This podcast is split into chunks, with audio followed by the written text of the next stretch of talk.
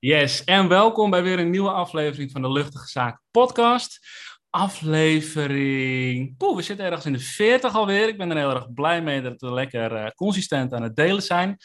Deze week zit ik niet alleen. Je mag meegenieten terwijl ik in gesprek ben met Tineke Zwart.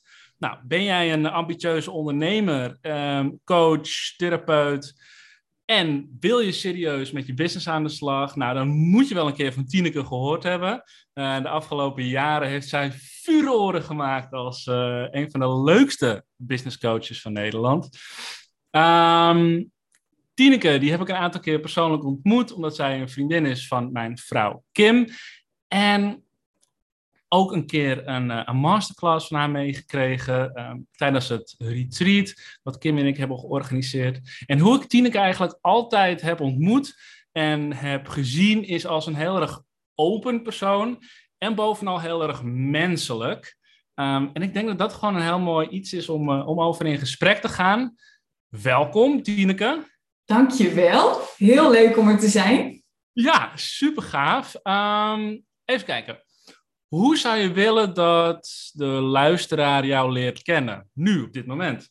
Ja, goede vraag. Nou, ik denk dat je me op geen beter moment eigenlijk te pakken had kunnen krijgen. Want ik zit net al een beetje te grinniken. Je stelt me voor ook als business coach. En daar hadden we het net al over. Dat uh, gisteren heb ik een post online gezet op Instagram. Waarin ik ook zeg: Ik heb de titel business coach uh, eruit gewerkt. Ja. En ik ga voortaan uh, titelloos door het leven.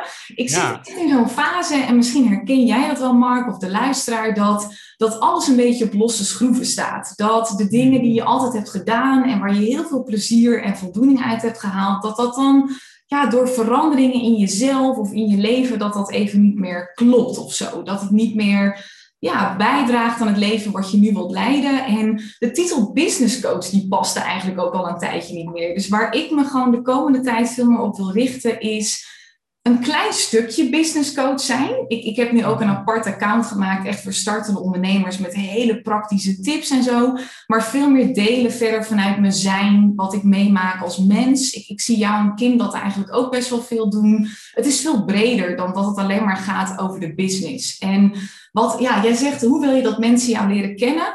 Eigenlijk in de breedste zin van het woord. Niet alleen mijn business coach stukje, maar ook gewoon mijn mens zijn. En daarin de dingen die ik goed doe, maar ook de fouten die ik maak. Ik, ik wil wat een, een holistischer beeld geven. Ja, ik denk dat dat uh, iets is wat heel goed werkt. In die zin, um, ja, mensen, tips en trucs, tips en trucs, die vind je overal. Ja. En ik had het er in vorige podcasts ook al over. Het verschil zit er juist in, in de persoon. Klopt. Ja, en, en steeds meer, want we komen toch. Ik was uh, vorige week was ik een beetje aan het lezen op uh, de website van het CBS, dus Centraal Bureau voor de Statistiek. Ja. En toen zag ik ook hoeveel ondernemers er eigenlijk zijn. En vooral is er een enorme groei bij ZZP'ers. miljoen. Ja, gewoon bizar. En dan zie je gewoon, als consument word je ook gewoon gedwongen om verder te kijken dan een dienst of product of de kennis die iemand heeft. En wat doen we dan? Dan gaan we kijken naar het menselijke stukje. En ik weet niet, merk jij dat ook bij klanten? Ik namelijk wel, dat de laatste tijd trek ik steeds meer klanten aan die echt om iets heel kleins dan klant bij mij worden. Omdat ze ja. bijvoorbeeld ook in Almere wonen. Of omdat ze ja. net als ik uit een klein dorp komen of iets dergelijks. Dat ik echt denk wat interessant, hè? dat dat soort dingen dus belangrijk worden. Ja, dat werkt gewoon heel erg verbindend. En ik merk het niet eens zozeer bij klanten alleen al. Wij zitten nu op Bonaire, um, wat trouwens een onwijze aanrader is. Mm. Um, maar ook hier ontmoeten we heel veel Nederlanders. En ik merk ook gewoon dat, dat je heel gauw een klik hebt met iemand die zegt... Oh, ik doe ook aan CrossFit. Of oh, ik kom ook uit een dorpje en daarom vind ik het hier zo fijn. En daar heb je dan gewoon gelijk een klik mee. En dat, dat werkt gewoon ontzettend goed. Ja, en wat ik ook merk, we hebben een beetje de misvatting, of tenminste dat, dat zie ik bij heel veel ondernemers, dat je online heel veel kennis moet delen, waarde. En waarde wordt dan gezien als tips en tricks. Maar wat we meer dan ooit willen, is eigenlijk gezien en gehoord worden en verbinding. Verbinding op allerlei verschillende dingen. En, en we willen juist een beetje de, herkenbare verhalen, want herkenning is weer erkenning. En uh, een van de ezelsbruggetjes die ik ook altijd voor mezelf heb, is eerst horen, dan helpen. De grootste behoefte van mensen is eigenlijk om gezien, gehoord en begrepen te worden. Meer nog dan geholpen te worden, van A naar B. Ja. Tenminste, zo zie ik het een beetje, ja. Absoluut, dat is echt een van de basisbehoeften van, van een mens. Gewoon gezien worden, het gevoel hebben dat je ergens bij hoort. Ja. Ehm, je hebt dan die six human needs. Twee daarvan zijn uh, erkenning en liefde. Of ergens bij horen. Ehm, en eigenlijk alles wat we doen valt onder een van die twee kopjes. Ja, ik was laatst nog daarover aan het lezen, want ik vind dat stukje altijd heel interessant. Dat zit ook bij mij in mijn online omgeving, module 1 ook meteen. Ja. En het schijnt dus dat voor 80% van de mensen zijn de twee belangrijkste behoeften zekerheid uh, vandaar dat vaak als je start met ondernemen, dat het zo enorm wennen is ook. Want je hebt geen zekerheid op dat moment. En erkenning. Ik vind het wel interessant, want we denken heel vaak dat het groeien is of een bijdrage leveren. Maar eigenlijk is het gewoon pure erkenning. Absoluut. En op het moment dat je daar open voor staat, of in ieder geval daar bewust van bent en dat ook gewoon accepteert, van hé, hey, weet je, erkenning werkt goed voor mij. En daarom vind ik coaching ook zo heel erg tof en doe ik het op zo'n manier dat ik ook echt een heel duidelijk pad met mijn klanten uh, bespreek. Zo van, oké, we staan nu hier, je wil daar naartoe en dat gaan we doen. Ja. Um, omdat we dan gewoon achteraf kunnen zien, hey, hebben we behaald wat we wilden behalen, in plaats van dat je in de wilde weg aan het coachen bent. Ja, precies inderdaad. dat werkt ook niet echt. Nee. Als ik geen coach zou zijn en ik zou moeten kiezen tussen wat voor werk ik uh, zou gaan doen, dan zou ik misschien wel schilder worden. Nou, in die zin, op het moment dat je een muur roze moet schilderen, zoals jouw muur is, of blauw, zoals die bij mij is, ik begin links onderin. En naarmate ik bezig ben, zie ik gewoon wat ik aan het doen ben. En dan geef ik mezelf erkenning voor. oh yes, ik ben al op de helft, weet je wel. Ja. En dat werkt voor mij heel erg goed. Erkenning. Ja, Herkenbaar trouwens, want dat is eigenlijk ook, jij zegt ook, dan werk je met je handen. Dan is het heel uh, duidelijk ook wat er gebeurt. Heel duidelijk. Ik merk ook, ik heb deze muur waar jij het nu net over hebt, ook zelf geschilderd, de hele kamer, ook ons hele huis. Ook omdat je dus die erkenning krijgt, die directe feedback van, hé, hey, er is een transformatie. Ik vind daar ook heel leuk om mensen hun haar te doen of make-up, want dat is ook zo zichtbaar. Juist, absoluut. Maar, heb jij Ondernemen ook... daarentegen, ja dan zie je dat totaal niet. Vooral niet in het begin. Absoluut. En ik vind dat soms ook wel lastig en ik ben benieuwd of jij dat hebt. Uh, wij helpen onze klanten met een soort vaak toch best wel onzichtbare transformatie. En, en, soms gebeurt er al van alles intern, maar laat de externe transformatie nog even op zich wachten. Ik merk dat het mij ook nog wel eens onzeker kan maken als coach, omdat wij ook weer die erkenning zoeken. Hè? Van, oh, het liefst help je je klant naar een volledige transformatie. Ja. Maar je krijgt niet altijd direct die erkenning. Herken je dat? Dat, ja, je dat is absoluut... onzeker kan zijn? Um, ja, dat, is, dat, dat maakt mij... Uh, in het verleden heeft me dat wel onzeker gemaakt. Maar ik, wat ik nu doe ook, als ik gewoon een sessie met iemand doe, is dan spreek ik van tevoren af: hey, waar gaan we het deze sessie over hebben bijvoorbeeld?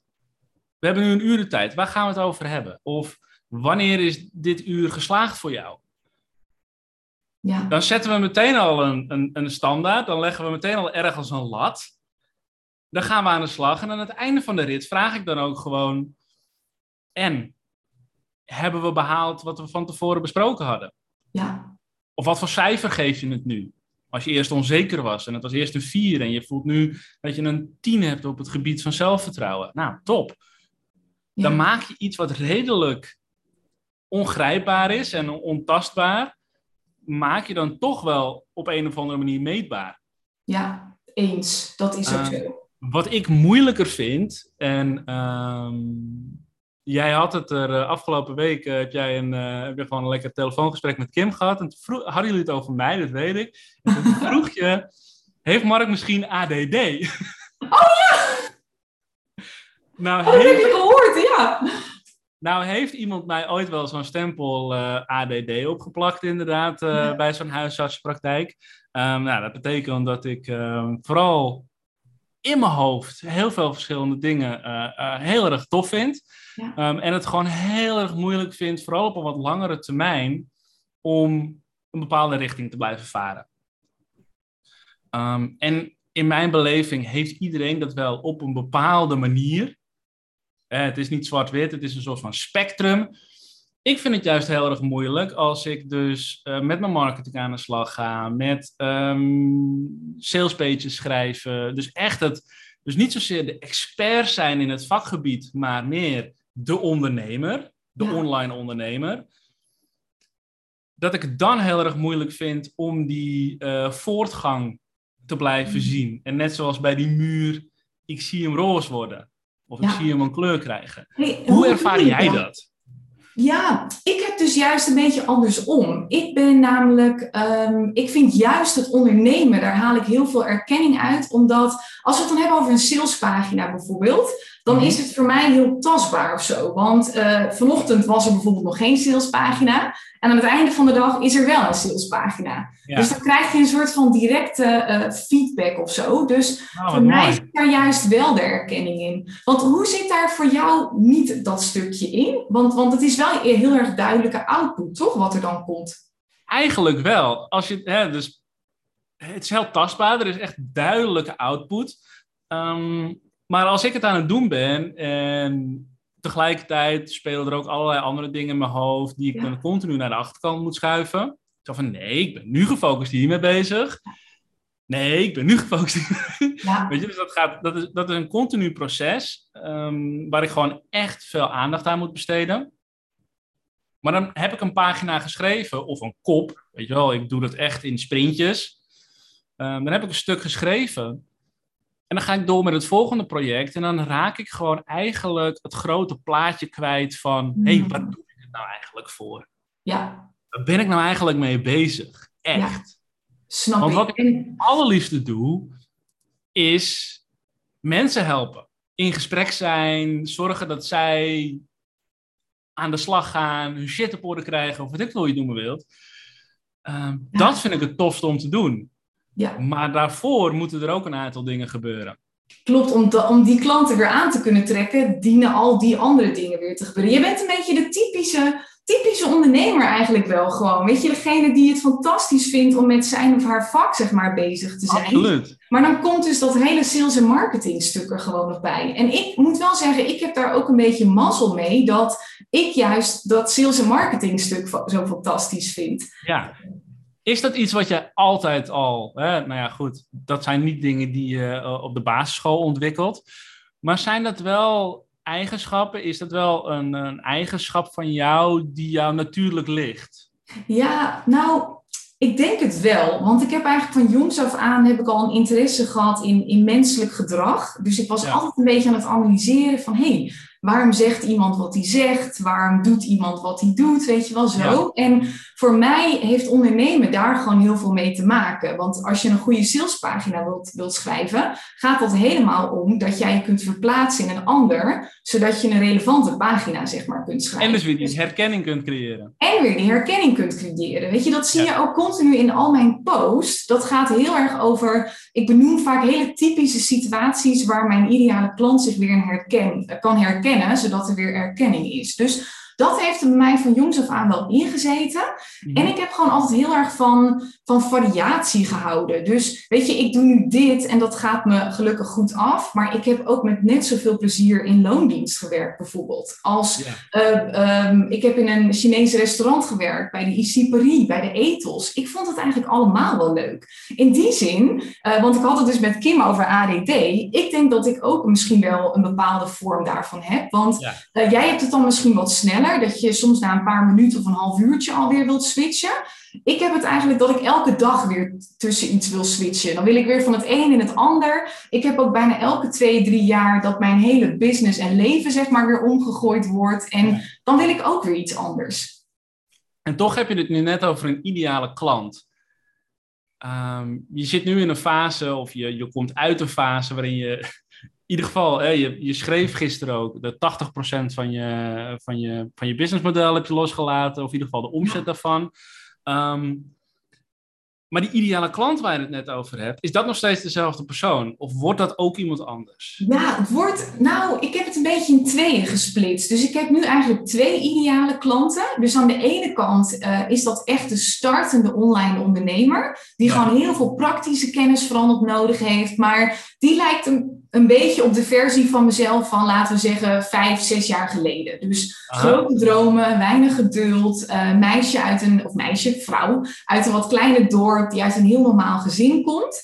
Uh, maar aan de andere kant heb ik inmiddels ook een andere ideale klant. En dat is meer voor mijn één op één coaching. Dat is ook weer de vrouw die ik ben. Maar die eigenlijk ongeveer, nou laten we zeggen, een jaartje achter mij loopt als het ware. Dus iemand die al een succesvolle business heeft gebouwd. En dan vooral ook even op financieel vlak. Maar waarbij de business een beetje boven haar uit is gegroeid. Dat de business haar een beetje gaat overnemen in plaats van zij de business als het ware. Dus ik, heb er nu twee. Hoe is dat bij jou? Heb jij, heb jij meerdere ideale klanten ook? Nou, mijn ondernemersverhaal is sowieso wel ingewikkeld. In die zin, toen ik begon met ondernemen in 2017 alweer, dat is alweer vijf jaar geleden. En soms voelen we daar ook best wel lullig om, want ik begon met sportlesgeven. Ik begon gewoon met lesgeven. En misschien dat heel veel ondernemers dat ook herkennen. Je ehm, krijgt een opdracht en daarvoor moet je je inschrijven bij de KVK. Nou, prima, je gaat naar de KVK en ehm, je schrijft je in, zodat jouw opdrachtgever je kan factureren nog niet eens nagedacht over een businessmodel of over ideale klanten of over hey, welk probleem los ik dan ook alweer op. Nee, ik ging gewoon sportles geven. Ja, dat was het probleem. Mensen waren niet blij met hoe ze eruit zagen hoe ze zich voelden en ze wilden gewoon lekker in beweging komen. Ehm, zonder daarover na te denken, dus gewoon aan de slag gegaan. Nou, gaandeweg veranderden mijn eigen persoonlijke interesses en ik wilde dat heel snel integreren in wat ik aan het doen was. Nou, dat vind ik gewoon leuk om te doen dat zorgt er ervoor dat eigenlijk in die eerste drie jaar mijn ideale klant, het probleem en het aanbod en alles wat ik deed, volledig op zijn kop ging. En nu eigenlijk de afgelopen twee jaar wordt dat vele malen duidelijker. Uh, waarbij ik nu gewoon duidelijk heb van oké, weet je wel, dat zijn gewoon ambitieuze ondernemers met een jong gezin. Die dus heel graag een fijne balans willen creëren tussen hun bedrijf, waar ze heel veel ambities mee hebben, maar tegelijkertijd ook een hele fijne ouder willen zijn en partner. Dat en-en stuk. En bij jou, bij mij is het dan wat belangrijker ook waar iemand staat qua omzet. Bij jou maakt dat denk ik niet zo heel veel uit. Nee, voor mij persoonlijk maakt het niet zo heel erg veel uit. Ja, ik kan daar nog heel veel keuzes in maken. Ik kan me nog herinneren, die masterclass die jij gaf tijdens onze retreat, hoe jij jouw ideale klant omschreef. Ze is de oudste van uh, uit het, ja. uh, heeft alleen maar jongere broers of zussen. En, dus dat was super specifiek. Hoe kwam je daarbij? Nou ja, wat ik op een gegeven moment gewoon ging merken is dat ik, ik trok eigenlijk steeds een soort van kopietjes van mezelf aan. En dat was ook eigenlijk omdat ik heel veel van mezelf ook liet zien. Ik was niet alleen mijn kennis aan het delen, maar ik was ook heel veel ja, aan het documenteren eigenlijk. Dus als ik dan bijvoorbeeld naar mijn ouders ging, dan deelde ik ook van, oh ja, mijn ouders wonen in Jouden, ik heb twee jongere zusjes. En weet je, mensen die kregen steeds een meer compleet beeld van mij als het ware. En op de een of andere manier ging ik daardoor denk ik ook bepaalde mensen aantrekken die een beetje op mij, uh, op mij lijken. Want er gebeurt iets. Als ik zeg ik ben de oudste thuis, iemand anders is dat ook, is er een soort instant connectie op dat. Uh, ja? En ja, op de een of andere manier voel, voel, ik dat altijd zo. En wat ik merk is dat mensen die de oudste zijn thuis, dat zijn vaak ook een beetje de ja, als oudste thuis was je een beetje de leider in het gezin, weet je wel. Dat is vaak een beetje de grote broer of zus die alles zelf wel regelde en die beschermde de anderen een beetje. Dat zijn vaak ook een beetje de, de redders of zo, op de een of andere manier. En uh, weet je, daar hebben ze dan heel veel aan gehad, want het zijn mensen die denken, oh, ik fix dit zelf wel eventjes. Maar het werkt ze vaak ook tegen. En ik kwam op een gegeven moment eigenlijk steeds meer achter dat al mijn klanten zijn of de oudste thuis, of ze voelden zich de oudste thuis. Omdat bijvoorbeeld een oudere broer of zus ziek was en meer zorg nodig had, meer een probleemkind was als het ware. Ja. Uh, ik, ja, op de een of andere manier trok ik dat zoveel aan dat ik dacht, nou, volgens mij moet ik mijn ideale klant gewoon dusdanig specifiek maken dat ze zelfs de oudste thuis is. En ja. weet je, is het niet zo dat het zo moet zijn. Hè? Als ze de jongste is, ook helemaal oké. Het, zit niet in het intakeformulier. Nee, het is niet zo van, oh, je bent niet de oudste thuis, dus jij mag er niet bij. Maar daardoor zijn vaak bepaalde gedragspatronen ontstaan, bepaalde gedachten, overtuigingen. Uh, en, en daar kan ik gewoon goed bij helpen, merk ik. Ja, en heb je dan in het verleden ook heel specifiek gedeeld over die gedragspatronen? Of was gewoon puur op een luchtige manier delen: hey, ik ben de oudste thuis, ik heb twee jongere zussen. Dat dat al genoeg was in jouw beleving? Ik denk vooral dat, dat dat al genoeg was. Maar ik denk ook dat, weet je, ik deel gewoon heel erg over mijn zijn. Wat ik zelf denk en vind en doe. En Ehm, dat, ik ben ook heel typisch een oudste thuis. Dus, dus qua gedragspatronen. Als je kijkt naar wat psychologen en zo erover zeggen. Dus ik denk dat ik daarmee indirect al een beetje die mensen heb aangesproken. Ehm, en dat ze daardoor aangingen op mij op de een of andere manier. Want hoe is dat bij jou eigenlijk? Ben je de oudste thuis of niet? Nee, ik heb een zus die is 8,5 jaar ouder. Oh ja. En ehm, wat er eigenlijk gebeurde is dat zij zij heeft gewoon een hele sterke eigen, uh, eigen wil. En eigenlijk niet zozeer dat ze persoonlijk een eigen wil had, maar heel erg weg bij mijn ouders vandaan. Uh, uh, weglopen, terugkomen, foute vriendjes, weglopen, mm. nachten weg, noem maar op. En dat zorgde ervoor dat mijn ouders, bij wie ik in huis woonde, heel strikt naar mij waren. Ja. En je bent om elf uur thuis. Ja, om jou te beschermen, zeg maar. Om mij te beschermen eigenlijk um, van, van dat gedrag. Um, wat er eigenlijk weer op neerkwam dat ik stiekem allerlei dingen ging doen. Weet ja. wel. Dat, want heel vaak werkt het andersom. Hè? Juist dat de oudste, um, die, daar waren ze heel streng meestal. En dan de jongste, de, mag van alles. Want ik weet nog bij mij ook dat ik moest dan, uh, als ik op stap ging op mijn zestiende om één uur thuis zijn. Mijn middelste zusje om twee uur. En mijn jongste zusje die had niet eens meer een eindtijd. Weet je wel zo. Zo heel typisch. Maar wat ik er nog wel bij wil zeggen, kijk, dit zijn van die kleine dingetjes waarbij ik heel vaak merk dat mijn klanten inderdaad dus bijvoorbeeld oudste thuis zijn. Maar, maar dat is, als je kijkt naar belangrijke kenmerken van mijn ideale klant, is, is dat eentje die onderaan de lijst Ja, uiteraard. Maar het zijn wel hele leuke dingen die een persoonlijke klik creëren met mensen. Zeker. En dat vind ik zelf ook gewoon heel erg belangrijk. En die persoonlijke klik. Maar ook dat op het moment dat je over bepaalde dingen deelt, um, of het nou in je marketing is, of in je, in je coaching, of in, in, je, in je diensten, dat het menselijk is. Ja, eens. In mijn beleving maakt dat het ook leuk. Zeker. Nou ja, en zeker met het werk wat wij doen. Kijk, als zelfstandigen. En wij gaan ook, we werken zo lang vaak met iemand samen. Je gaat zo diep samen. Ik vind het wel bijzonder dat ik weet soms dingen van mijn klanten. En dat zul jij vast ook hebben. Die zelfs hun partner soms niet eens weten. Of hun beste vrienden of iets dergelijks. En dan moet er ook wel een soort klik zijn, vind ik. Absoluut. ik vind het nou heel tof, want, want je ziet wel, ik weet niet of jij dat ook ziet, dat we steeds meer teruggaan naar dat menselijke. Dat marketing gewoon echt aan het veranderen is. Ja, kijk, daarnaast, vooral als je marketing op social media gebruikt, wat 9 van de 10 zelfstandigen tegenwoordig doet, um, dat hoeft niet alleen maar meer om tips te draaien en zoveel mogelijk van je waarde delen en weet ik veel wat. Want daar zitten mensen misschien wel helemaal niet op te wachten. Nee. Nee, en weet je, social media blijft ook een beetje, uh, ik zeg dat het is ook een escape from reality. Je, je wilt ook een beetje inkijken in andermans leven. Mensen willen gewoon entertainment. Ja, dat. Ja. Entertain en, en dat zie ik tegenwoordig gewoon goed werken als je een beetje die mix kunt hanteren van entertainment, informatief, uh, luchtig, uh, met, met ook serieuze onderwerpen. Ik vind bijvoorbeeld, volg jij Celine Charlotte of niet? Nee, nee, nee. Ik ben echt een onwijs ja, schoonmaak gaan houden in het aantal mensen wat ik volg. En Celine Charlotte heb ik volgens mij überhaupt nooit gevolgd. Okay. Um, maar die doet dat ook? Ja, die doet dat heel goed, vind ik altijd. Die laat echt continu een beetje de verschillende dingen zien. En die heeft een goede balans tussen entertainment, tussen informatie geven. En dat willen mensen tegenwoordig ook steeds meer, hè? die afwisseling. Ja, En het moet ook gewoon leuk zijn. En ik denk dat het ook op het moment dat je dat gaat toepassen. Ik merk, ik ben dat in de laatste twee maanden nu aan het doen. Dat ik dus echt. Weet je, ik heb afgelopen week heb ik er een mail uitgestuurd over mijn collega Alex, die, ehm, die het niet redde om de Nijmeegse Vierdaagse uit te lopen. En die met een touwtje zo voor zich de finish overging. Weet je, dan schrijf ik ook gewoon, ja, Alex ging als een olifantje de finish over.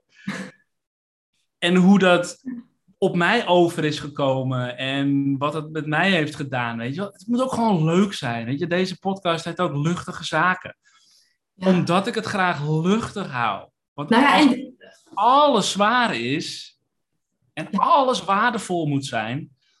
Wat een druk leg je jezelf dan op. En ik vind het mooi inderdaad dat je, dat je dat zo doet. Want ik denk dat we daar een beetje de mist mee ingaan tegenwoordig. Dat er ligt zoveel druk op zoveel ondernemers. Tenminste in hun hoofd dan. Hè? Dus ze zitten Ja. veel te veel in, in de verhalen in hun hoofd met... Oh, dit moet weer een life-changing post zijn. En de podcast moet perfect van begin tot eind. En weet ik het wat. Ga weer een beetje spelen gewoon. Ja, en maak lol. En vooral als je speelt, weet je wel, ehm, letterlijk. Zie kinderen in hun speeltuin. Die vallen. Die stoten hun knie. Ze staan op. En ze gaan weer verder. Ja, Weet je wel? Ja, doe dat. ja life moves Maak on. het leuk. eh, maak het niet zo boeiend. Ehm, of ja, maak het wel boeiend, maar niet te serieus. Weet je wel? Nee, ga niet proberen om het super boeiend te maken. En, en dan wil ik ook wel even terugkomen op wat ik net zei. Want ik, ik zei iets van, ja, en dan moet het en entertaining zijn, en informatief, en luchtig, en dit. Maar neem dat ook niet te serieus. Hè? Weet je, de, meeste nee, mensen nee. zijn dat al van nature, als ze gewoon zichzelf zijn. Je dat bent al. entertaining van jezelf. Ja, dus het, het gaat eigenlijk veel meer om een soort van terug naar je kern. Gewoon wie je bent, zoals dat jij ook bent bij Kim bijvoorbeeld. Ja. Maar ik vind dat jij en Kim dat al heel goed doen op social media. Dat jullie echt heel erg die, die gelaagdheid laten zien. Hoe hou jij het menselijk voor jezelf? Het ondernemen en gewoon eigenlijk ook het delen van, van dingen op, eh, op, op social media of via je mail. Hoe hou je het menselijk en hoe hou je het leuk? Ja, goede vraag. Ehm, Je hebt een kat, eerlijk dat zeggen- helpt. Wat zei je? Je hebt een kat, dat helpt. Ja, dat helpt inderdaad. Hoe houd je het leuk? Ja, vooral door te documenteren. Ehm, en gewoon maar mensen mee te nemen in wat ik nu voel, wat ik denk, wat ik meemaak, wat ik zie. Weet je, ik deel bijvoorbeeld ook wel eens gewoon mijn, mijn kantoor. Dus, dus dat zie ik elke ochtend. En eigenlijk een Ja. beetje het te filmen alsof het een soort reality-serie is. En dan heb ik vaak wel heel veel belemmerende overtuigingen nog. Dat ik denk, oh, dit is niet boeiend en hier zitten mensen niet op te wachten. Had ik gisteren ook met mijn post. Ik had een post online gezet over wat ik heb gevoeld de afgelopen maanden. En dan denk ik, ja, volgens mij zit hier niks waardevols in. Het gaat alleen maar over mij. Toch merk ik dat mensen daar weer van alles uithalen. En ik, ik hou dus menselijk door ja, het gewoon echt zo dicht mogelijk bij mezelf te houden. Door gewoon op te staan 's ochtends en te denken: oké, nu zit er dit in mijn hoofd. Dus blijkbaar mag ik hier iets mee. En dat ook te delen. Dus met alle content die ik heb, ik bereid ook echt niks voor als, met, als in planning tools of iets dergelijks. Weet je, alles is een soort van uh, in the moment. En, en Ja. dat maakt het voor mij ook menselijk. Want anders merk ik al, als ik er te veel uh, en te lang over nadenk, dan is alle emotie en zo er al uit. Want hoe, Ja. hoe doe jij dat voor jezelf? Volgens mij doe Ik- jij ook alles in het moment, toch? Of niet? Ja, ik doe alles in het moment. En tegelijkertijd ehm, zou ik eigenlijk meer structuur in willen richten. Ja. En dat is mijn grootste worsteling. Dus ik wil heel graag meer structuur, maar vooral ook meer ritme in mijn dagelijks leven. En tegelijkertijd, ehm, ja, lukt dat me nog niet zo heel erg goed. Dus blijf ik maar. Ik doe dingen in het moment, maar. Dus Ja. wat ik vaak merk is dat ik, ik doe ook wel veel brandjes blussen. ja. En Hey, dat en is wat, wat maakt bij jou bijvoorbeeld dat je wel verlangt naar die structuur, maar, maar dat het nog niet helemaal lukt om het te creëren? Nou, enerzijds verlang ik dus heel erg naar dat stuk ehm, rust. Ja, Hè? Of meer rust. Want in principe, ehm, als je daar me vraagt, dan ben ik rustig. Weet je, ik kan heel rustig leven. Maar qua ondernemen en vooral dus dat, ja, de structuur van een onderneming neerzetten, daar zou ik meer rust naar, uh, naar willen hebben. Ja. Uh, dus enerzijds doe ik altijd heel erg mijn best om dingen op te schrijven, lijstjes te maken. Oké, stap voor stap, wat moet ik allemaal doen? Um, ja, en dan merk ik ook dat ik afgeleid raak. En dan denk ik, oh shit, maar ik moest die ook nog even een antwoord sturen op dit of dat. Ik herken het ook. En ik denk ook dat we daarin soms misschien iets te veel van onszelf verlangen. Ik denk dat elke ondernemer verlangt naar meer structuur en rust en focus en weet ik het wat. Ja, soms verlang ik van mezelf dat ik een of andere super efficiënte robot ja, uh, een ben, als het op dat aspect aankomt. Maar ja. dat ben ik niet. Nee. En dat mag ik ook meer omarmen. Dat ik, dat ik gewoon, ja, spring in het veld ben en, en gewoon leuke dingen doe.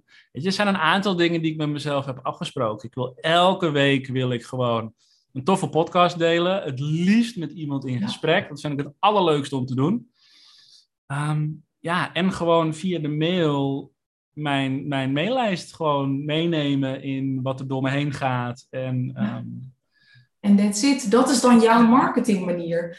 Hoe is, waar ik nog benieuwd naar ben, is... Jij zit nu op Bonaire natuurlijk. En volgens mij, jij en Kim hebben ook echt plannen om sowieso helemaal te emigreren, volgens mij. Ja. Hoe merk jij verschil in hoe je werkt of waar je behoefte aan hebt... of de inspiratie als je in het buitenland bent versus in Nederland? Ja, kijk, in Nederland hebben we kinderopvang en oma. Ja. Want we hebben natuurlijk ons dochtertje mee dat zijn twee dagen dat we gewoon dedicated kunnen werken. Daarnaast, vandaag is woensdag. Dat is gewoon eigenlijk altijd Kim haar mamadag. Ja. Dinsdag is dan mijn papadag. Dus ik heb iedere week sowieso drie dagen dat ik gewoon, bij wijze van spreken, 24 uur zou kunnen werken. Ja. Dat is een beetje veel, maar hè, ik kan gewoon dedicated een werkdag inplannen. Nu zijn we hier in het buitenland en nu merk ik dus van, hé, hey, we hebben geen kinderopvang hier. En oh, oma is er ook niet. Dus die twee dagen, daar moeten we gewoon super goede afspraken over maken. Ja. Over wie zich verantwoordelijk houdt voor onze dochter. Ja. Maar weet je wat ik dan vaak ook van merk? Ik weet niet of jij dat herkent. Dat als er dan zo weinig tijd is, dat het je toch lukt om de, het werk wat je wilt doen, om het af te maken in de beperkte tijd die je hebt. Ja, en ja, maar het is wel gewoon heel belangrijk dat je dingen met jezelf afspreekt. Dus hey, die podcast komt online en hey, die mail gaat eruit. Dat zijn de twee belangrijkste dingen. Ja. En als je die dan gedaan hebt, ja. als je die dan gedaan hebt, nou dan ga ik verder met, uh, jeetje, ja, ik ga vandaag nog advertenties opnemen bij het zwembad. Um, dat is ook heel belangrijk. Maar ja, Ehm, maar die mail en die podcast, die zijn het belangrijkste. Want dat heb ik met mezelf afgesproken. Ja, en dat, daarvoor zorg je dan ook gewoon, dat ga je fixen. Ja. Ja. ja dat, dat doe ik dan. Um, en de rest, ja, dat komt dan onderaan het, uh, dat, dat staat dan gewoon onderaan het lijstje. Ja, precies. Ik doe dat eigenlijk ook. Weet je, ik zorg ochtends vaak, want je hebt altijd van die taken en dingen die toch een beetje energie vreten in je hoofd. Bij mij zijn dat altijd van die taken die heel klein zijn, waarvan je ze heel makkelijk doorschuift. Maar dat ik denk, nee, dat moet even eruit. Ik doe altijd eerst dat, uh, dan vaak mijn, mijn meest rotte taak. Want je hebt als ondernemer altijd wel iets wat je moet doen wat niet leuk is. Ik heb hier bijvoorbeeld nu een belastingdienstbrief liggen. Ik weet ja. wat erin zit. Ik heb er totaal geen zin in om er naar te kijken, maar dat doe ik zo eventjes. Ja. Um, en dan is het een beetje eat the frog noemen ze dat ook wel. Gewoon even de shit daar doorslikken. En dan ga ik vaak een beetje in een soort flow kom ik terecht van waar ik zin in heb of afspraken of iets dergelijks. Ja, precies. Hè? Dus uh, afspraken die, die staan gewoon. Ja. Um, maar gewoon doen wat, wat goed voelt. En ik denk dat dat ook heel erg belangrijk voelt. Ja. En voor jezelf helder hebben, wat ga ik nu doen? Ja. Wat ga ik vandaag doen? En ik doe dat altijd s'avonds, de avond van tevoren, schrijf ik gewoon drie dingen op die ik gewoon echt gedaan wil hebben. Ja. Hey, en, en hoe bepaal jij voor jezelf zo'n lijstje? Want uh, wat ik heel vaak doe, voorheen dacht ik altijd, oh, wat moet ik doen? En dan ging ik heel erg in de taak zelf of zo kruipen. Ja. Nu denk ik veel meer vanuit, oké, wat heeft mijn klant nodig? Uh, mijn, mijn doelgroep? En wat kan ik vandaag doen om daar weer aan bij te dragen? Dus ja, dat is jouw insteek inderdaad. Dat weet ik ja. nog van die masterclass die je deelde. Dat vond ik een hele mooie manier. Um, ja, ik heb het gewoon eigenlijk voor mezelf per week, per maand, um, wel gewoon uitgeschreven. hey, dit wil ik gaan doen. En tegelijkertijd ook, waar heb ik behoefte aan? Waar heeft mijn klant behoefte aan? Ehm, ik merk dat op het moment dat ik die, die vraag, die heb ik van jou overgenomen toen uh, in januari. En dat heeft me uh, hele mooie interacties opgeleverd. Juist om te schrijven van, hé, hey, wat heeft mijn ideale klant nu nodig? Nou, die van mij, die, die emigreerde naar Ibiza op dat moment. Echt in die week. hey, die heeft, ik weet dat ze het spannend vindt. Een hart onder de riem. Dus gewoon random naar iemand geschreven van, hé, hey, ik weet dat je het kan spannende dingen te gebeuren, maar ga het maar gewoon doen. Ja, tof. En door dat te delen, komt er juist een hele mooie interactie op gang. Nog niet eens zozeer met die ideale klant die daadwerkelijk naar Ibiza ging, maar iemand anders die dat heel goed kon gebruiken. Ja, ja tof. Maar nu moet ik ook wel... Enerzijds een, een, een soort van plan met een helikopterview van oké, hier sta ik, daar wil ik over drie maanden zijn. Um, en tegelijkertijd in de dag hey, wat heeft die persoon voor wie ik werk ja. nou daadwerkelijk nodig? Ja, en, en dat is een beetje vanuit het, het ondernemerschap wordt dat steeds belangrijker, merk ik. Want uh, je moet vanuit veel verschillende perspectieven kunnen denken. Want aan de ene kant, waar we het net over hadden, wat heeft mijn ideale klant vandaag nodig? Uh, zowel de mensen die bijvoorbeeld al klant bij zijn of klant zouden kunnen worden. Maar je wilt ook denken vanuit, wat is mijn lange termijn doel? Wat, wat heb ik nodig om daar te komen? En je wilt weer denken vanuit hoe voel ik me vandaag uh, en wat, wat heb ik vandaag nodig. En daarin moet ik wel eerlijk opbiechten dat ik heb iets te veel vanuit mijn klanten gedacht de afgelopen uh, maanden of misschien zelfs wel jaren. Ik weet ja. dat dat mijn kracht is, want dat maakt me ja, menselijk, dat maakt me heel benaderbaar, betrokken als coach ook. Maar ik ben iets te vaak voorbij gegaan aan wat ik nodig heb. Waardoor ik op een gegeven moment ook gewoon, nou ja, dat weten de meeste mensen inmiddels ook de afgelopen maanden er even af lag. Omdat mhm. ik gewoon over al mijn grenzen zeg maar heen was, uh, was gegaan. Dus weet je, al die perspectieven zijn belangrijk. En ik denk dat sommige mensen denken iets te veel vanuit zichzelf. Andere mensen denken weer iets te veel vanuit hun klant. Ja, en ik heb in de afgelopen weken, ik was dan bezig met het, uh, met het klaarzetten van een online training. Heb ik echt lange dagen gemaakt. En ik was juist heel erg bezig met: oké, wat wil mijn klant? En wat staat er op de planning? Dus, En veel minder met wat heb ik nodig. En eigenlijk wist ik dat ergens ook, dat ik die, uh, het was een periode van twee weken. Ik wist dat ik die twee weken ging doen. Maar aan het einde van de twee weken voelde ik hier zo langs mijn oog gewoon echt zo'n zenuwtrillingje. Oh, ik zag het op stories, ja. En toen moest ik ook gewoon stoppen. Dan wist ik, oké, fuck, weet je, ik moet er ook gewoon mee stoppen. Het was net iets te vroeg, eigenlijk, want ik moest nog een aantal dingen echt, uh, echt fixen. Maar ik heb die dag ook gewoon mijn laptop dichtgeklapt en ik zei van, oké, ik moet ermee stoppen. Ja. Want als je het zelf niet bedenkt, als je jezelf niet vraagt, hey, wat heb ik nodig vandaag?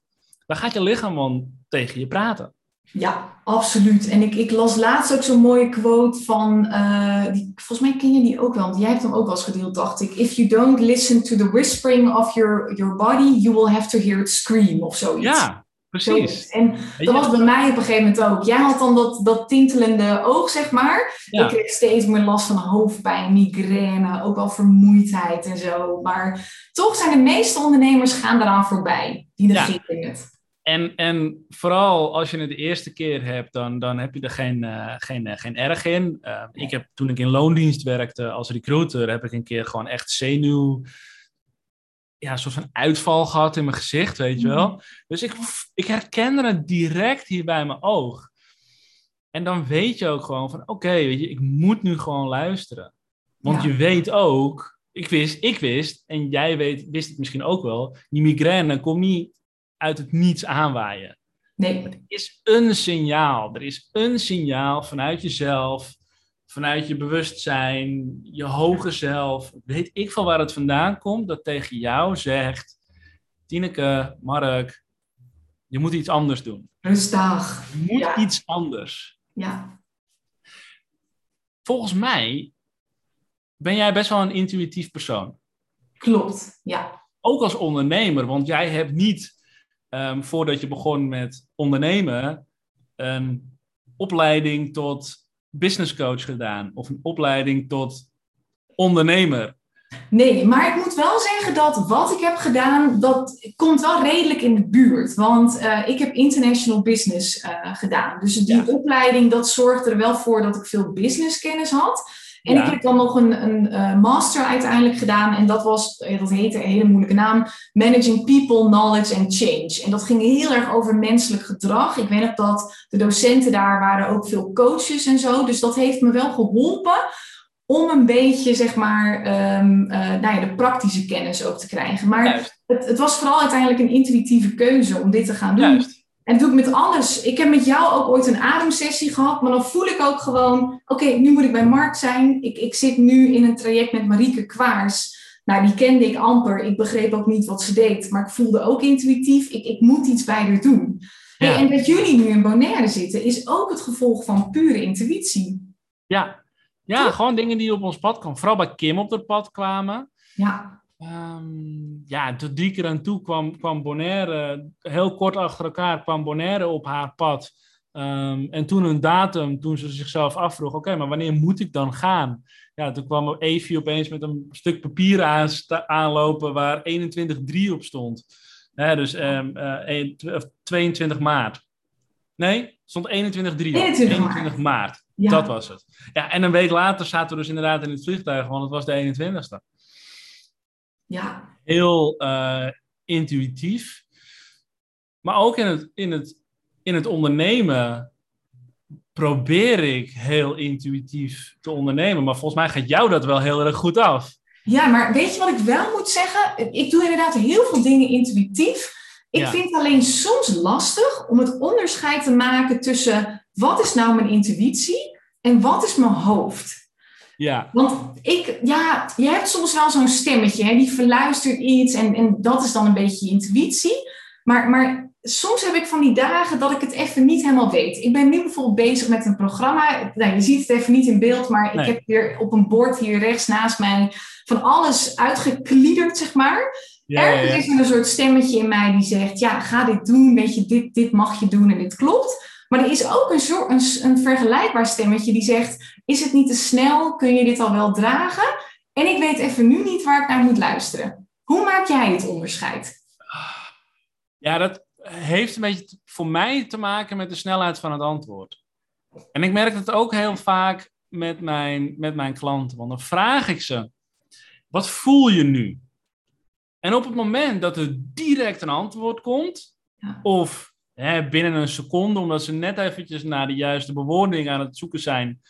Hè, dus als ze meteen zeggen plezier of ja. verdriet, dan weet ik, oké, dat is wat ze daadwerkelijk voelen. Ja. Of dat is wat ze weten. Maar op het moment dat ik ze vraag, hey, hoe voelt het nu?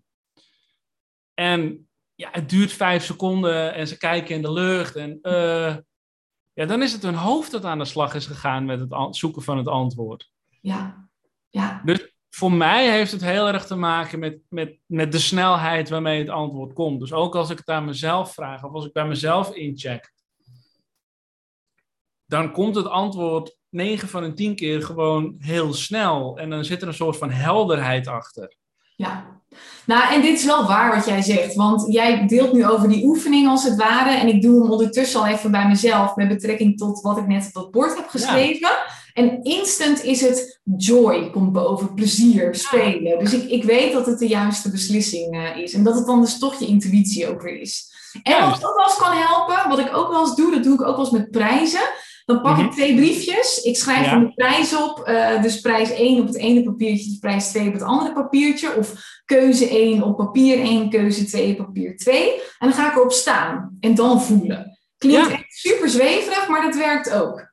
Dit is gewoon. Um, ja, weet je, ik vind zweverig zo'n vage term. Ja. Terwijl het gewoon energie is. We weten ondertussen ook ja. wel, dat hoeven we hier in deze podcast niet uit te leggen. Alles is energie. Ben je een coach, ben je een therapeut, dan weet je, ben je een wetenschapper, dan weet je ook, alles is energie. Daar zijn we nu al over eens. En als jij op een bepaalde, op een stuk papier gaat staan met een prijs, die bij jou gewoon een bepaalde trilling veroorzaakt, een frequentie van energie, en die voelt goed. Ja dan is daar niks zweverigs aan, maar dan is dat gewoon hetgene wat je te doen hebt.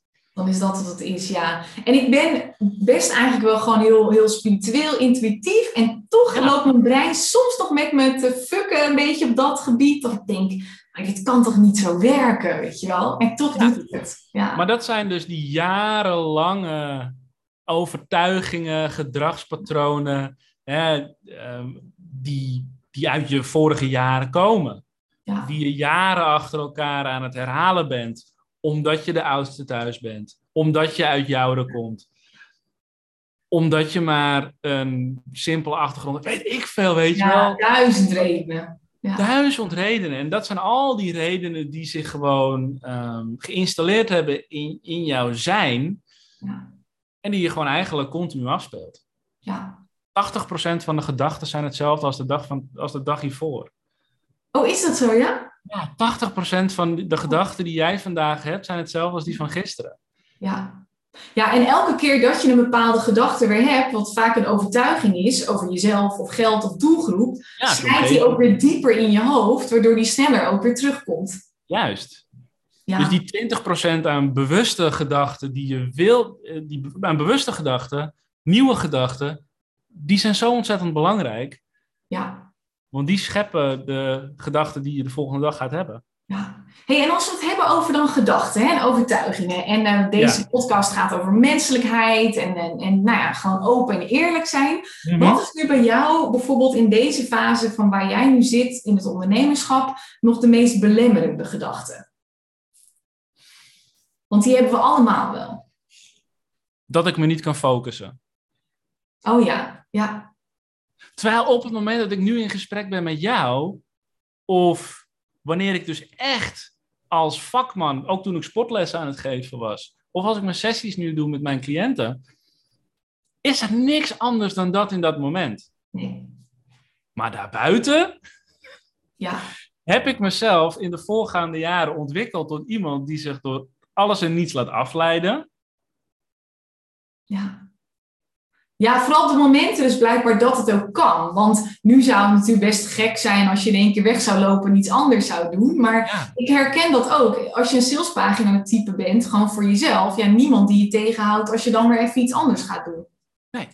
Dus Nee. dat is de, de, de overtuiging die mij nog nu op dit moment heel erg tegenhoudt, is het feit van, oh ja, maar daar kan ik me niet op concentreren. En dat gaat zo lang duren omdat ik moeite heb met concentreren. Ja, en weet je wat ik dan zo interessant vind? Is dat we dus onbewust ook de hele dag eigenlijk bezig zijn om die overtuigingen weer te bevestigen aan onszelf. Dus we gaan ook een beetje een soort, hoe heet dat, self-fulfilling prophecy doen. Ja. Door onszelf steeds te bewijzen, oh ja, zie je wel, ik kan me niet focussen. En dat doen we, en dat doen we, en het ding is, dat doen we onbewust. Dus je, bent, je Ja. weet niet dat je het aan het doen bent. Nee. En Super ik-. Ik, ja, zo heel erg irritant. Maar ik herken het. ehm, en ik was hier afgelopen week met mijn eigen coach ook over in gesprek. Ik herken het uit de periode dat ik zo'n 14 jaar oud was. Ik zat op de middelbare school en ik was al een keer blijven zitten op de HAVO. En ik vond de lesstof op de HAVO gewoon niet leuk om te doen. Het theoretische, dat, het was gewoon niet aan mij besteed. Dus wat ging ik doen als ik s'avonds achter mijn bureautje zat en ik moest huiswerk maken? Dan ging ik mijn pennenbakje sorteren. Oh ja. Dan ging ik computeren. Weet je, toen, toen wij 14 waren, toen was MSN eh, was, eh, helemaal shit. En eh 538 chat of zo, weet ik veel. Ja, klopt. En hives en zo. Hives. Maar ging ik dat doen? Ja. En dat heb ik destijds geïnstalleerd, misschien nog wel eerder zelfs. En in de afgelopen jaren merk ik nog steeds dat op het moment dat er iets is wat ik gewoon niet heel erg leuk vind, of waar ik niet zo heel erg goed in ben, dat ik dan mezelf ga. eh, eh, dat ik dus ga acteren als een 14-jarig jongetje Ja. dat zich maar laat afleiden. Ja. Ja, zo interessant. En dat is dus toen in het systeem gekomen. Dat is toen in het systeem Ja. gekomen. Ja. En dat heb ik heel lang geaccepteerd. En nu heb ik zoiets van, ja, maar dat accepteer ik niet meer. Ik, weet je, ik ben nu 33 jaar. Ik ga mezelf niet meer als een 14-jarig kind opstellen. Nee, En dat is een keuze. klopt. Dat is gewoon een keuze. Het betekent niet dat je die keuze niet, nooit meer opnieuw hoeft te maken, want je onderbewuste wil heel graag op dat moment een 14-jarig jongetje zijn. Maar dan kies je weer, hey, ik ben het weer aan het doen. Ja. En dan gaat weer verder met, met het nieuwe gedrag dat je graag wilt. Uh, ja, en dat kost soms moeite. Ja, en ik, wat ik altijd mooi vind, dat zeg jij ook. En volgens mij is dat dan weer van uh, Hypnose Instituut, mhm. Edwin Selei. Je, je hebt iets niet, maar je doet het of zo. Ja, ja je bent het aan het doen. Het is gedrag. Dus het is niet inderdaad een blijvend probleem dat jij niet kunt focussen, maar dat doe je zelf. Ja, maar net als dat jij dus in, het, uh, in de afgelopen maanden uh, migraine steeds meer bent gaan doen. Ja. Het was een mechanisme van jouw onderbewuste waar een bepaalde boodschap in zat. Het was gewoon gedrag. Ja, ja en ik heb daar ooit, ik, ben, uh, ik heb ooit RTT gedaan. Dat staat voor ja. Rapid Transformational Therapy. is ook een soort vorm van hypnose. En toen ben ik ook met mijn migraine in gesprek gegaan. En uh, toen kwam er ook uit dat mijn migraine me eigenlijk probeert te beschermen. En dat hij ook iets zei van uh, je, je moet minder werken, want je bent niet te veel aan het werk. En je mag eigenlijk nog naar bepaalde dingen in het verleden uh, daarover praten. En weet ik het wat allemaal. Dat ik, maar ja, dat heb ik ook toen compleet genegeerd, want ik wilde daar nog niet aan. Dat doen we zo vaak. Hè? Dan ben je, je moet ook echt klaar zijn om te stoppen met iets te doen. Ja, maar waarom gaan we ermee door? Wat zorgt ervoor dat we zeggen, ja, ik snap het, maar niet nu? Ja, angst. Want uh, waarom ging ik ermee door? Ik wist dat het zou betekenen dat ik een deel van mijn business los moest laten. Um, maar dat durfde ik op dat moment niet. Want dan zou ik een deel van mijn klanten moeten loslaten en mijn omzet. En mijn ego wilde de zekerheid en de erkenning, waarschijnlijk ook van die omzet. Die wilde de klanten helpen. Want ja, en, en niet alleen dat. Want als je zomaar klanten loslaat, worden ze misschien boos. Dus die wilden weer een stukje acceptatie, weet je wel zo. Dus, en nu. en als jij die coach bent, coach bent, dan wordt het ook je identiteit. Ja. En dan hoor je ergens bij. Ja. Dan, dan sta je misschien wel in het midden van de groep of bovenaan de groep, net hoe je jezelf wilt plaatsen. Maar dat is dan je identiteit. Dan hoor je erbij. Klopt. Ja, en dan ga je van alles aan ophangen. Ik had daar, hadden Kim en ik ook nog een interessant gesprek over, over dat stukje identiteit. En ik zal het heel even bij, me, bij mezelf houden hierin. Um, ik had ook tegen haar gezegd dat ik op een gegeven moment dacht, toen ik dus 80% van mijn omzet losliet, dat was zo'n onderdeel van mijn identiteit. Hè? Tineke, de succesvolle ondernemer, weet je wel zo. Ja dat ik ook tegen haar zei van, ik was bang dat je straks dan geen vriendinnen meer met me wilde zijn. Omdat ik dan niet meer die succesvolle ondernemer zou zijn, weet je wel. Zo typisch hoe dat, hoe dat werkt. Dat je dus een stukje van je identiteit loslaat en daarmee dus ook denkt dat je meteen uit de groep wordt gezet. Ja, ja en dat is ons brein uit de groep gezet worden. Dat is gewoon een doodsangst. Ja. Dat is een hele grote angst. Bij jou, bij mij, bij, bij iedereen. bij iedereen. Ik, ik, denk ook dat als je alles, als je gewoon maar door blijft vragen op mensen hun angsten, kom je bijna altijd uit op de angst voor afwijzing en dus de angst om, om letterlijk dood te gaan. Ja. In de tijd dat ons brein uh, ontwikkeld werd, was uit de groep gezet worden ook gewoon levensgevaarlijk. Ja. Want dan moest je het allemaal zelf fixen. Tegenwoordig hoeft dat niet meer, want er is altijd wel een groepje waar je in past. Precies, ja. Dat is wel zo lekker. en zelfs al ben je alleen, dan red je het nog wel, want je wordt niet aangevallen door een leeuw of iets dergelijks. Nee, je wordt niet opgefroten door een beer of zo. Nee. nee, inderdaad. Als we hem nu af zouden sluiten en jij als Tineke Zwart, dus gewoon puur als jezelf, en je zou nog iets mee mogen geven waar andere ondernemers hun ondernemen, dus de, het gedrag van ondernemen, menselijker kunnen maken. Voor zichzelf en voor hun klanten. Wat zou je ze dan mee willen geven? Oeh, goede vraag. Ja, hoe kunnen ze het menselijker maken? Door meer verhalen te gaan vertellen vanuit gewoon eigen ervaring. Ik geloof dat we nu een soort tijdperk ingaan waarin het heel erg gaat, niet meer zozeer om alles wat je doet, maar veel meer om je hele zijn, wie je bent. En dat er behoefte is aan verhalen die vanuit echt je, je ik komen. Dus jouw proces, jouw inzichten. En dat kan er qua content visueel gezien best saai uitzien, want de meeste ondernemers zitten tegenwoordig de hele dag op dezelfde plek achter een laptopje. Maar er gebeurt altijd van alles in je hoofd. En dat is wat mensen tegenwoordig willen, wat het menselijk maakt, wat zorgt voor verbinding. Dus ik zou zeggen, ga inderdaad focussen op dat documenteren van gewoon wat, wat je ziet in het dagelijks leven, maar ook vooral wat je meemaakt, waar je belemmeringen zitten, wat je, wat je ook goed doet. Weet je, daar een balans in vinden. Maar ik, ik denk dat dat het belangrijkste is. Ja. ja, en dus in het dagelijks leven. Ik heb dus afgelopen week een mail geschreven over een ervaring van 13 jaar geleden. Is ook een persoonlijke ervaring, weet je? Dat kan ook gewoon. En hoe kwam dat bij jou boven? Was dat gewoon in één keer, was dat er? Of? Ik las iets in een boek over uh, stoppen. En dat je moet stoppen met stoppen. Oh ja, ja. Dus als je zegt, ik ga dat doen. Ik ga beginnen met salsa lessen volgen totdat ik die hele cursus heb afgerond. Nou, dan ga je net zo lang salsa lessen doen totdat je die cursus hebt afgerond. En niet stoppen vanwege omstandigheden. Oh, het is niet leuk. Oh, nee, je wilt dat behalen, dus je gaat het doen. Stoppen met stoppen. Ja. En daar zat ik eens over na te denken: van hé, hey, wanneer heb ik geleerd, wanneer heb ik kunnen leren dat het belangrijk is om te stoppen met stoppen?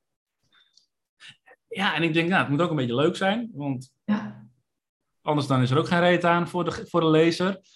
Dus toen kwam ik met dat verhaal van die Alex. Hmm. Die dus op dag vier van de Nijmegense Vierdaagse schoorvoetend en met een hangend hoofdje aan de start verscheen. En dus eigenlijk aan het stoppen was. Ja. Ja, en dat kon ons niet permitteren dat hij zou gaan stoppen. Nee, check. En dat is wat ik nog wilde toevoegen. Vertrouw er ook op dat de dingen die op jouw pad komen die jou triggeren. Zoals jij dat had met het artikel over stoppen. En dat dan in één keer dat verhaal van die Alex bovenkomt. Heel veel mensen gaan dan het kapot denken. En denken, oh maar dat is niet boeiend en weet ik het wat. Maar vertrouw er ook ergens op dat dingen niet zomaar tot jou komen, denk ik altijd. En dat je er dus iets mee mag, dat je het dan mag gaan delen. Uh, en dat heb jij dus heel goed gedaan met hetgene wat bij jou boven kwam. Ja. En ik, ik, denk dat dat ook belangrijk is om het menselijk te houden. Maar de meeste mensen die gaan met zo'n zo'n zo'n trigger in zichzelf, gaan ze er te veel te lang over nadenken of een week doen over iets schrijven. Nee, gewoon instant. Maak er iets van, throw it out there en, en laat het zijn werk doen. Ja, joh, dat is het allerleukste om te doen. En dat maakt het inderdaad ook gewoon leuk. Wel, ik gooi het er gewoon uit. Precies, ik zie wel. Ja. En als mensen er geen reet aan vinden, dan, ja, dan, dan, dan stoppen ze met lezen of dan ga ik een keer iets anders doen. Uh, varieer gewoon een beetje. En weet je, je, je, je doelgroep verwacht ook echt niet van je dat elke post of elke podcast dat die fantastisch is en 100% resoneert. Weet je, dus verwacht dat ook niet van jezelf. Nee. En je moet het ook voor een groot deel ook echt voor jezelf doen. Niet omdat je erover na gaat denken van, oh, wat zou Peter ervan vinden? Of wat zou, uh, wat zou Karin ervan vinden als ik dit zeg? Nee. Nee, het moet uit jou komen. Jij moet het willen delen. Precies, ja. Dan en... raken de juiste mensen er wel op aan. Ja, weet je, hoe meer iets jouw waarheid is, jouw visie, hoe meer je juist mensen aantrekt die jou weer energie geven. En ik zag laatst een mooie quote, dat was, een depressie komt vaak door een gebrek aan expressie ik merk ook gewoon dat mijn marketing, sinds ik mijn boodschap met de wereld kan delen, mijn proces, dat ik me gewoon lichter voel. Dus weet je, al heeft niemand er ene ruk aan, ik help mezelf in ieder geval wel. Want ik kan gewoon lekker delen wat er bij me speelt. En ik voel ja. goed. Ja, en tegelijkertijd, het voelt goed om gewoon daarover te delen. Ehm, ja, maar het hoeft ook weer geen therapie-sessie te worden voor jezelf. weet je wel? Precies, dat je een soort van, uh, van dagboek uh, stinkende ja. wonden eruit uh, gooit. Beetje een. je hebt zo'n quote: share the, the, the message, not the mess. Ik ja, vind het wel mooi ook. Ja. En Aart-Jan van Erkel zegt dan ook: schrijf of deel over het litteken, niet over de wond. Ja. Dus vooral wat het je opgeleverd heeft. Um, en niet hoe, het, hoe je het proces ervaren hebt. Dat, weet je, er zit niet zoveel waarde in. Maar als je echt gewoon op een leuke manier uh, terugkijkt op iets, En daar de waarde van deel. Dat is gewoon heel erg leuk om te doen. En dat maakt het heel erg menselijk. En hoewel ik ook wel geloof, zeker met iemand, oeh, het klinkt echt heel arrogant als ik dit zo zeg, maar iemand in mijn positie bijvoorbeeld. Ik, ik besef dat nou, ik voor bepaalde mensen een soort voorbeeldrol heb, omdat ik bepaalde dingen heb bereikt. Ik merk ook wel dat als ik soms wel een stukje van mijn wond laat zien en ook bijvoorbeeld even zeg, jongens, het gaat gewoon even niet zo goed of zo. En dat mag. Uh, en ik, ik zit er ook nog middenin, ik, ik weet het nog even niet, dat het ook weer helend is of zo, omdat mensen daardoor een soort van bijna toestemming krijgen van, oh, dit mag ook. Maar dat zag je toch gisteren in die post die jij dus deelde, um, waarin je dus zegt van, hé, hey, weet je, ik zit in een periode dat ik, het, dat ik het echt even niet wist. Nu heb ik het idee dat ik het wel weer weet. En volgens mij durf ik het ook wel uh, te gaan doen. Als je ziet wat daar naar reacties onderkomen van mensen die in precies dezelfde situatie zitten, of nog net even een stapje ervoor zitten en gewoon geen idee hebben wat ze, waar ze mee bezig zijn. Het levert altijd zoveel herkenning op. Eens. Ja, maar ik denk dat het een beetje dat het belangrijk is om die balans te vinden. Als je alleen maar de wond gaat delen, dan wordt het misschien ook een beetje een depri. Ja, nee joh, gewoon lekker variëren, lol maken. Het zijn ook zat leuke dingen en dingen waar je dankbaar voor kunt zijn en noem maar op. Ja. Er gebeurt zoveel in het leven. Ja. Je kunt overal wel wat van zeggen. En ik denk dat daar de behoefte zit. Hè? Dat je een beetje al die facetten uh, laat zien. Dus de, de, de highs, de lows, de, de dingen waar je nog in mag ontwikkelen. De dingen waar je fucking goed in bent. Gewoon de full picture. Ja. Hey, en als je kijkt hè, naar het afgelopen uur dat we aan het praten zijn. Tenminste, ik denk dat we daar een uurtje aan het, uh, aan het kletsen zijn. Nu weet ik dat op het moment dat je een podcast luistert of een training volgt of whatever. Je pikt er altijd één of twee dingen tussenuit. Als jij terugkijkt op dit gesprek, wat pik jij hier nu uit? Voor jezelf, dat je denkt, oh ja. Oeh, nou, ik vind, dus eigenlijk is dit grappig, want hier hebben we het helemaal niet zo bewust over gehad. Maar ik zit natuurlijk al een uur te kijken naar jou in je tanktop en zo'n reiskoffer en die schildpadden op de muur. Dat, wat, wat, voor mij is dat echt een reminder, oh, ik, ik mag weer meer op pad gaan. Meer meer naar buiten. Eigenlijk een beetje wat jij en Kim nu ook aan het doen zijn. Gewoon lekker op reis, afstand nemen. Want weet je, fysieke afstand is ook altijd mentale afstand uh, weer nemen. En ik vind de naam van jouw podcast ook heel tof. Hij heet Luchtige, wat was het nou? Luchtige Zaken. Luchtige Zaken. Het is ook weer even een reminder voor mij. Het mag luchtig zijn, spelen, relaxed, weet je wel. Want ik heb de afgelopen periode dan echt wel in een diep persoonlijk ontwikkelingstraject gezeten. En soms verloor ik mezelf een beetje in de zwaarte of zo ervan. Dat ik ook alweer denk, en, en ook jouw gewoon manier van zijn en praten en hoe je in het leven staat en waar we het dan over hebben. Het mag luchtig zijn. Ik mag denk dat het... spelen. Nou, mooi. Mooi. Wat ik eruit haal uh, uh, voor mezelf ook weer, waar we het over hadden, is ik hoef geen machine te zijn. En ik hoef mezelf ook niet te creëren als die super efficiënte focusmachine. Nee. Want dat is misschien niet per se wie ik ben. Nee. Weet je, en je kiest ervoor wie je bent en hoe je opkomt dagen.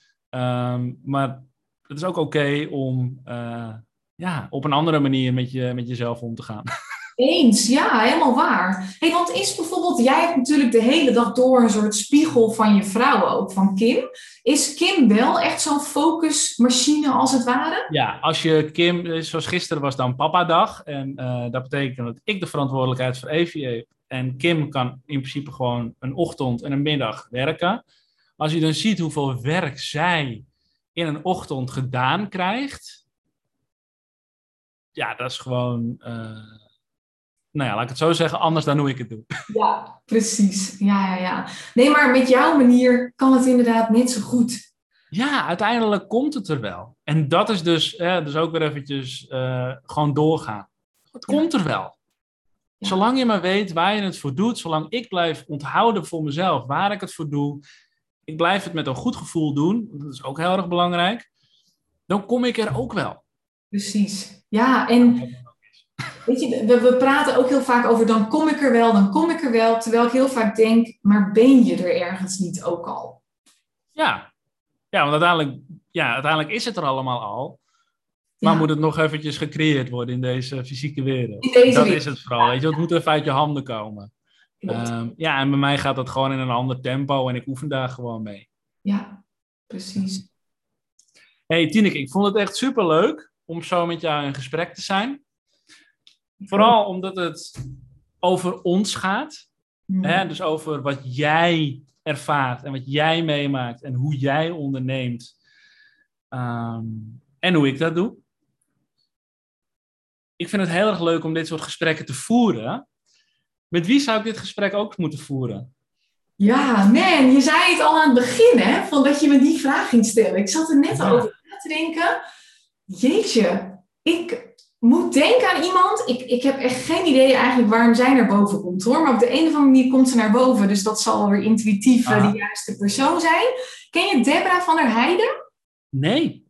Zij is van Die Socials. En eh, nou, ik, ik ken haar al wel heel lang. Ik, ik heb haar nooit heel intensief of zo gevolgd. Maar we gaan binnenkort samen op vacation naar eh, Ibiza. Dat is in Aha. oktober. En sindsdien komt ze steeds een beetje voorbij. En ik denk dat zij ook interessant is. Want zij heeft net haar hele business omgegooid. eh, de, de relatie verbroken. Ze heeft nu weer een nieuwe liefde dan. Ze deelt ook heel eerlijk over haar proces met de ups en de downs. Ehm, ik weet niet. Ik denk dat jullie een tof gesprek zouden hebben. En dat heel veel mensen er iets aan gaan hebben.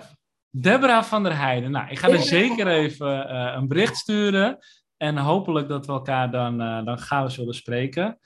hey, ehm Tineke. Ik denk dat als ik de luisteraar ehm, meer van jou wil laten weten, dat ze jou het allerbeste gewoon kunnen volgen op social media. Ja, en Wat voor ik- nu gewoon de beste manier is. Ja, dus je kunt dan of naar Tineke laagstreepje zwart gaan, of ga even naar Business Boost Academy. Dat is dus nu Oh ja. het account voor starters. Ja, En waar kunnen mijn luisteraars jou weer volgen? Nou, de makkelijkste manier is op dit moment gewoon Instagram inderdaad ook gewoon. eh mark.rietvink. Ehm, als je daarop zoekt, dan eh, ben ik de enige, dus dat, eh, dat scheelt. Ehm, ja, je, ja, Mark met een C. Daar vind je eigenlijk gewoon alle informatie over. eh, weet je, mocht je meer over mij willen weten ehm, en weten wat ik dan exact doe. Maar daar deel ik ook vooral gewoon deze afleveringen van de podcast.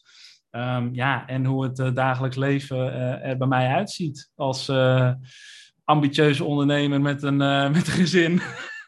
Heel tof. En ook nog even voor de beeldvorming van mijn luisteraars, want jij doet dus hypnose, ademwerk, coaching. Het is eigenlijk een beetje een mengelmoesje nu van de drie, hè? Echt die combinatie van die Ja. twee. Omdat ik gewoon heel veel merk dat mensen bepaalde dingen die ze graag willen doen, niet doen. Omdat ze ehm, bepaalde angsten hebben. Of omdat ze met een bagage aan, aan emoties rondlopen. Waardoor ze eh, niet in actie komen. Nou, en daar gebruik ik dus heel sterk die ademhaling voor. Eh, nou ja, uit jouw eigen ervaring werkt het ook gewoon heel erg fijn om er even wat ruimte te creëren. Ja. Ehm, die hypnose, die voeg ik toe omdat het juist heel erg helpt om een krachtige mindset te creëren. En we hebben het over allerlei verschillende angsten gehad. En hypnose is gewoon een onwijs mooie manier om voorbij te gaan aan die angsten. En dus gewoon een handige en vooral krachtige mindset te creëren. Ja, in combinatie met coaching. Want er zijn zoveel ondernemers die helemaal geen plan hebben. Nee. Dus in de coaching deel ik vaak ook gewoon simpele businessstrategieën. Dingen die je echt niet hoogstaand zijn, maar juist door hun simpelheid onwijs effectief zijn. Ja.